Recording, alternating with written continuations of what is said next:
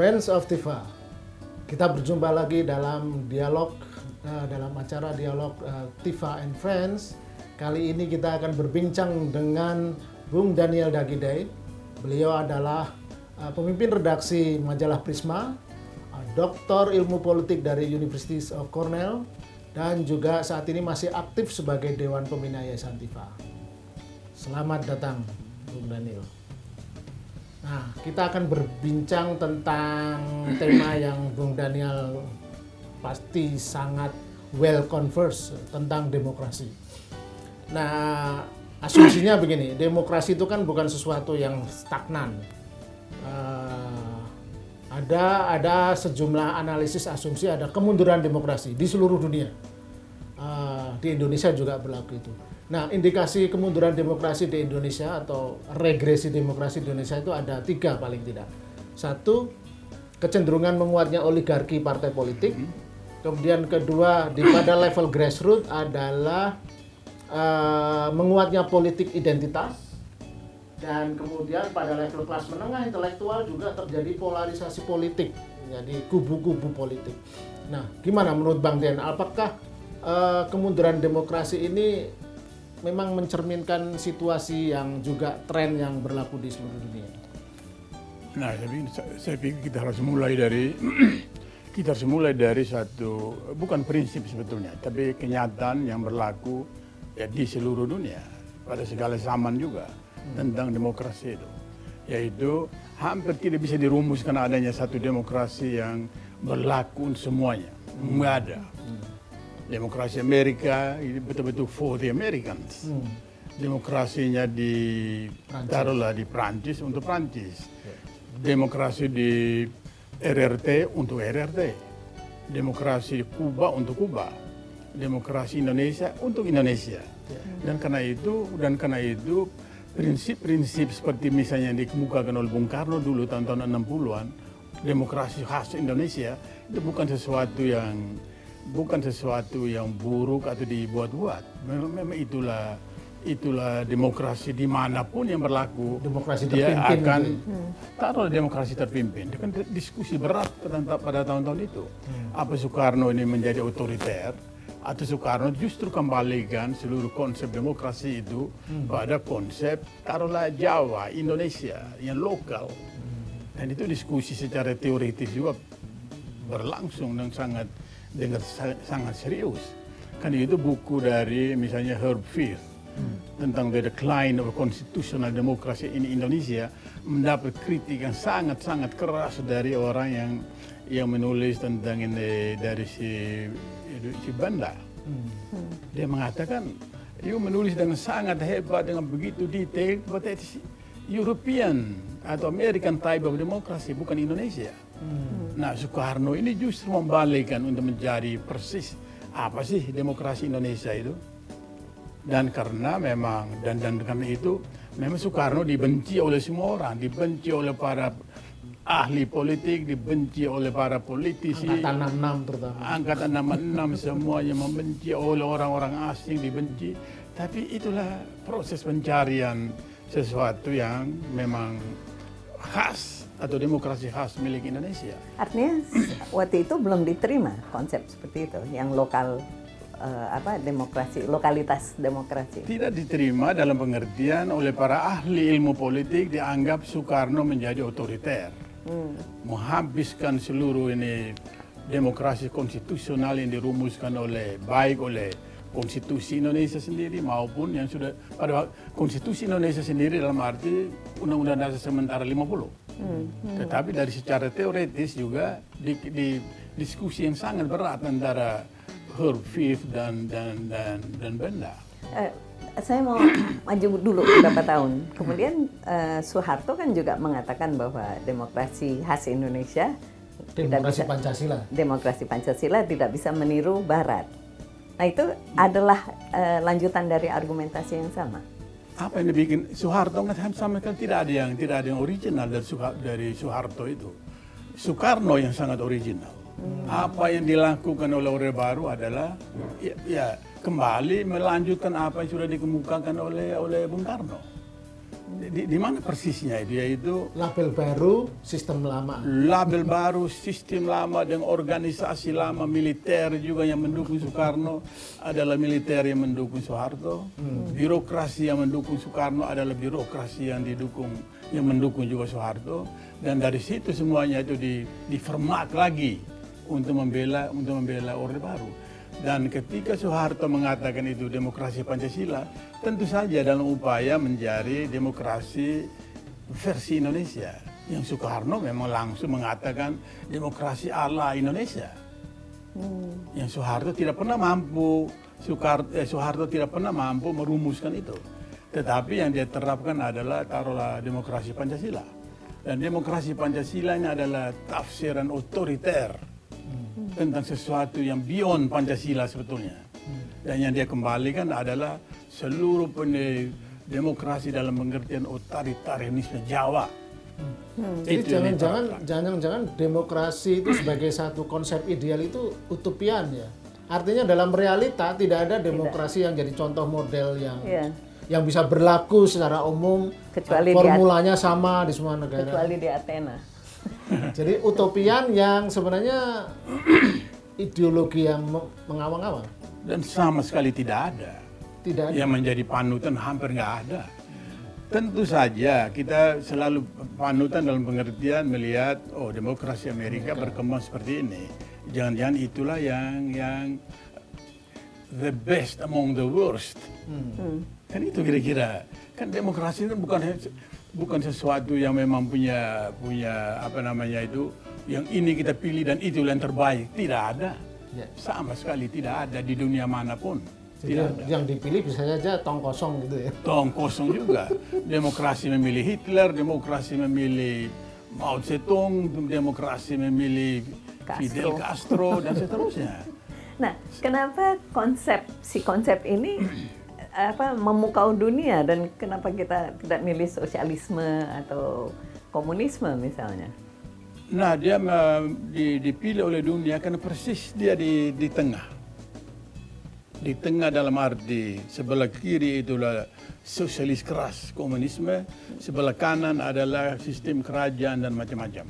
Dan demokrasi adalah itu betul-betul the best middle Middle way, choice, middle way dari semua. third way. Yang tidak pernah terbukti juga the best. Baik, kita Ta- fast tapi forward. tapi ada ada unsur yang lain lagi yaitu demokrasi tidak pernah menjadi tujuan. It is a means. Betul ya. Betul-betul a tool atau means. Sekali demokrasi menjadi tujuan semua menjadi rusak. Dia pada-mana means. Means untuk apa? Means untuk satu community of mankind. Ya, ya, ya. Community untuk lokal. Itu interaksi dan sosial dan politik. Ya, ya. Kalau itu dilupakan, demokrasi betul-betul hilang. Oke, kita fast forward ya, kembali ke pertanyaan awal saya. Ah, Bang Daniel setuju kalau demokrasi mengalami kemunduran di Indonesia saat ini? Nah, begini kita harus spesify juga kenapa kenapa dibilang mundur itu. Karena demokrasi Indonesia ini kan berasal dari berasal dari keruntuhan Orde Baru, eh, keruntuhan ini demokrasi terpimpin. Nah, kemudian diambil menjadi demokrasi Pancasila oleh Soeharto dan Orde Baru. Runtuh lagi Orde Baru itu, masuklah ke reformasi menjadi satu demokrasi yang more or less diusahakan untuk menjadi menjadi liberal dan dan apa seperti itu. Tetapi harus dipahami apa artinya apa artinya demokrasi demokrasi dari masa reformasi itu. Saya pikir ini memang mirip mirip mirip dengan dengan mirip mirip dengan kayak apa Soekarno memproklamasikan Indonesia pada 17 Agustus. Yaitu bebas dari otoritarianisme kolonial, bebas dari imperialisme kolonial, dan, dan seterusnya. Nah, reformasi ini nih, kan masih ada di- diskusi macam-macam lagi bahwa ini reformasi atau atau revolusi. Kita memilih nama reformasi. Tetapi dalam konsepnya, saya pikir benar-benar ini seperti revolusi. Apa artinya revolusi di sana itu? Yaitu bahwa Orde Baru ini benar-benar menerapkan politik kewarganegaraan versi Belanda, versi, kolonial Belanda. Kalau Belanda di sini adalah Belanda nomor satu, nomor dua Timur Asing, nomor tiga adalah inlander. Nah, inlander ini kan orang yang tidak punya hak apa pun di dalam satu sistem politik dari negara negara kolonial Hindia Belanda itu nggak ada hak apa pun.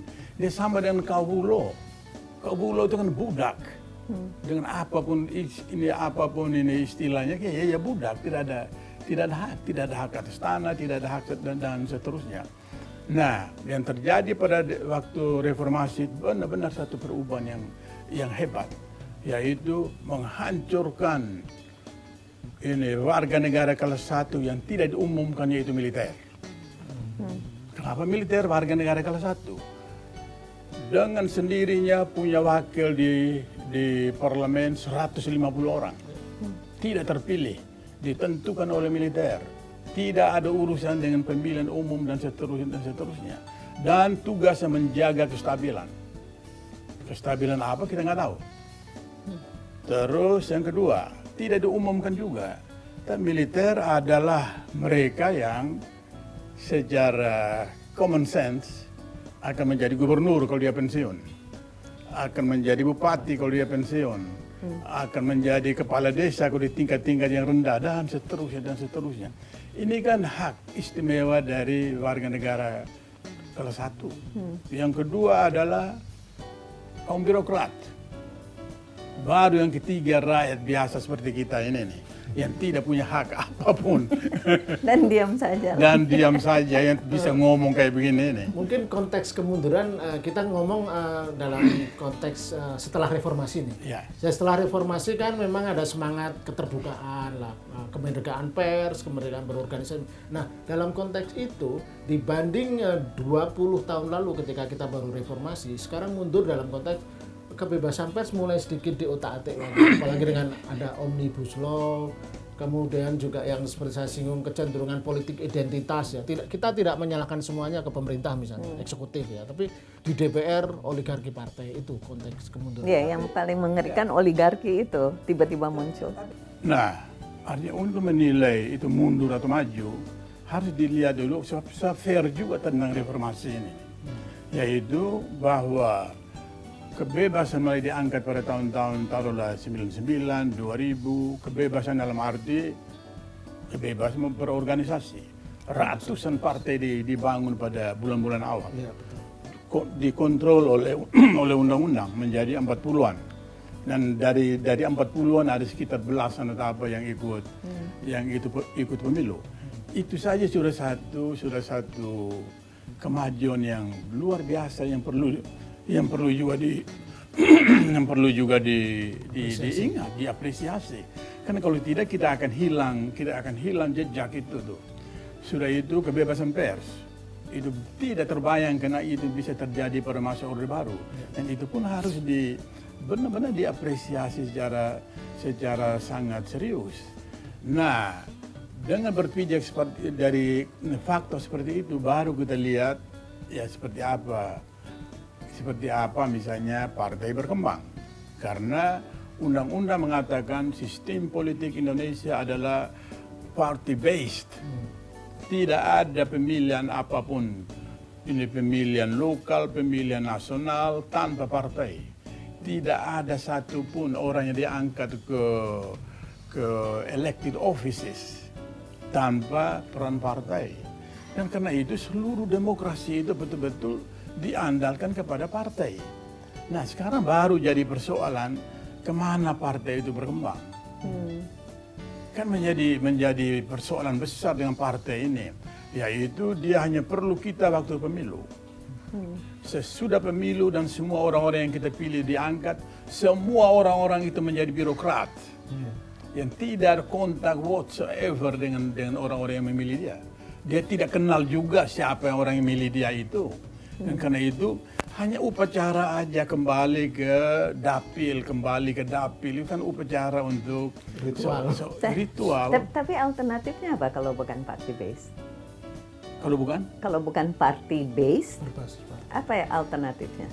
Nah itu kan satu-satunya kehidupan yang yang yang yang kita alami. Tetapi zaman milenial ini akan mengubah struktur itu. Hmm. Mengubah struktur itu dalam arti disrupsi yang dikembangkan oleh teknologi ini akan menjadi menjadi inti dari atau bibit untuk perkembangan selanjutnya yang kita nggak tahu. Apa itu lima tahun, 10 tahun, 20 tahun, 25 tahun. Tetapi sekurang-kurangnya bibit itu sudah ditanam. Ditanam dalam pengertian anak milenial ini tidak percaya ke partai. Coba tanya aja. Tanpa ada tanpa ada polling yang besar pun saya berani mengatakan mereka tidak percaya partai. Kenapa? Karena tidak ada orang menjadi anggota partai dari umur-umur begituan itu. Kedua, kalau mereka lihat orang-orang partai berkongres dan bertengkar lempar-lemparan kursi, dia bilang, I what the heck this? All of this ini, ini. Ini same thing. Mereka lagi bela apa sih? Bela kita atau bela dirinya? Dan seterusnya. Terus yang ketiga misalnya, yang yang jauh lebih penting menurut saya, yaitu direct contact dengan wakil-wakil yang mereka kenal. Yaitu Anda, apa yang Anda bikin. Tolong jawab ke kami ke WA ini nih.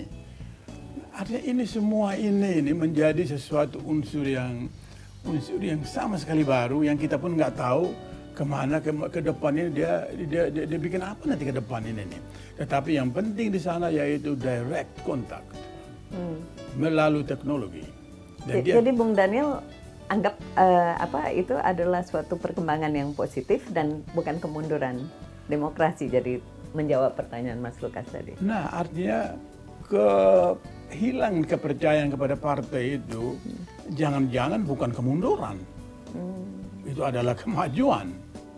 Dalam arti who cares kalau partai-partai membubarkan dirinya atau bubar dengan sendirinya. Ya itu mungkin konsekuensi lah perilaku partai ya. seperti itu konsekuensinya milenial menjadi tidak percaya. tidak Tapi bagaimana kalau dalam jangka pendek membuat aturan tentang kepartean misalnya gini kalau presiden dibatasi dua periode kenapa tidak ketua partai misalnya ini kan ketua di Indonesia ini ketua partai seumur hidup.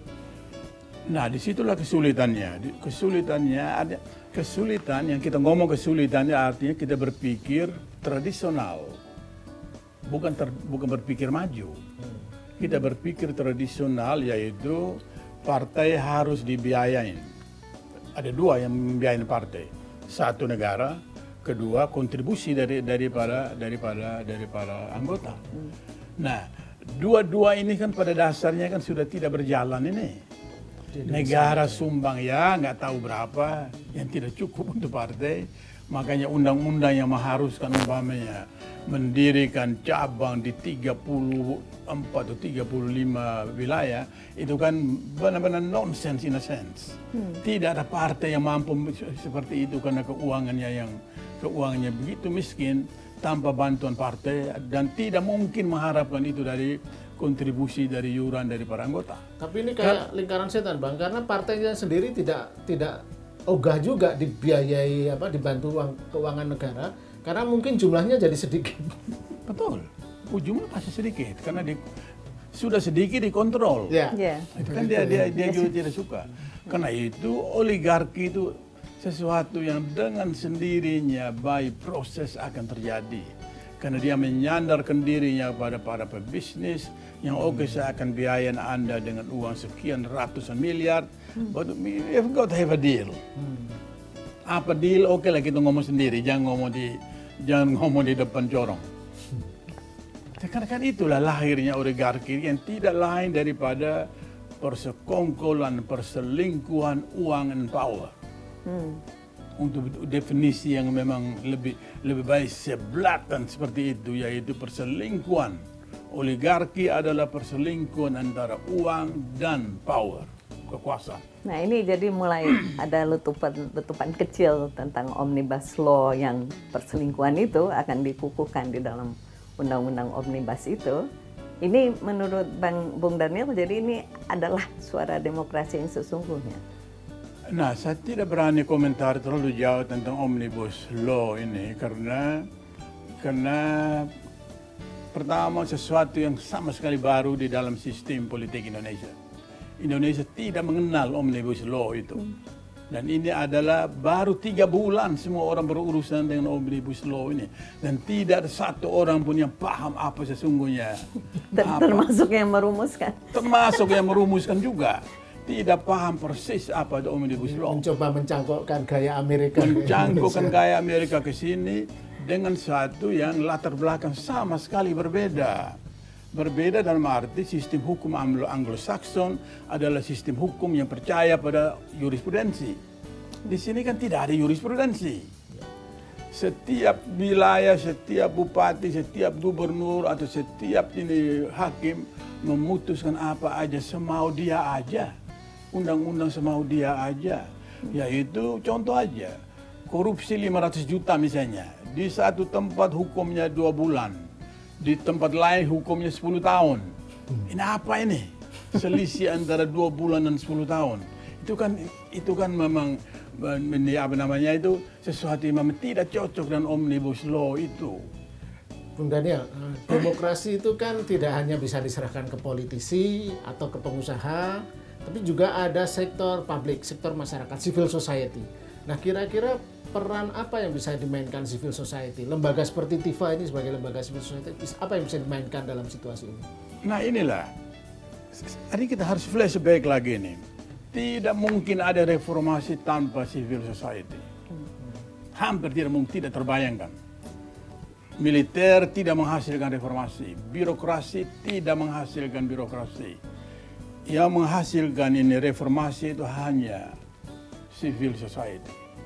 Yaitu mereka yang berpikir, mereka yang memang melihat perkembangan, mereka yang mengangkat kepalanya di atas air bah begitu loh yang tidak mau kepalanya tenggelam dan tidak mau nafasnya habis dalam air bah itu.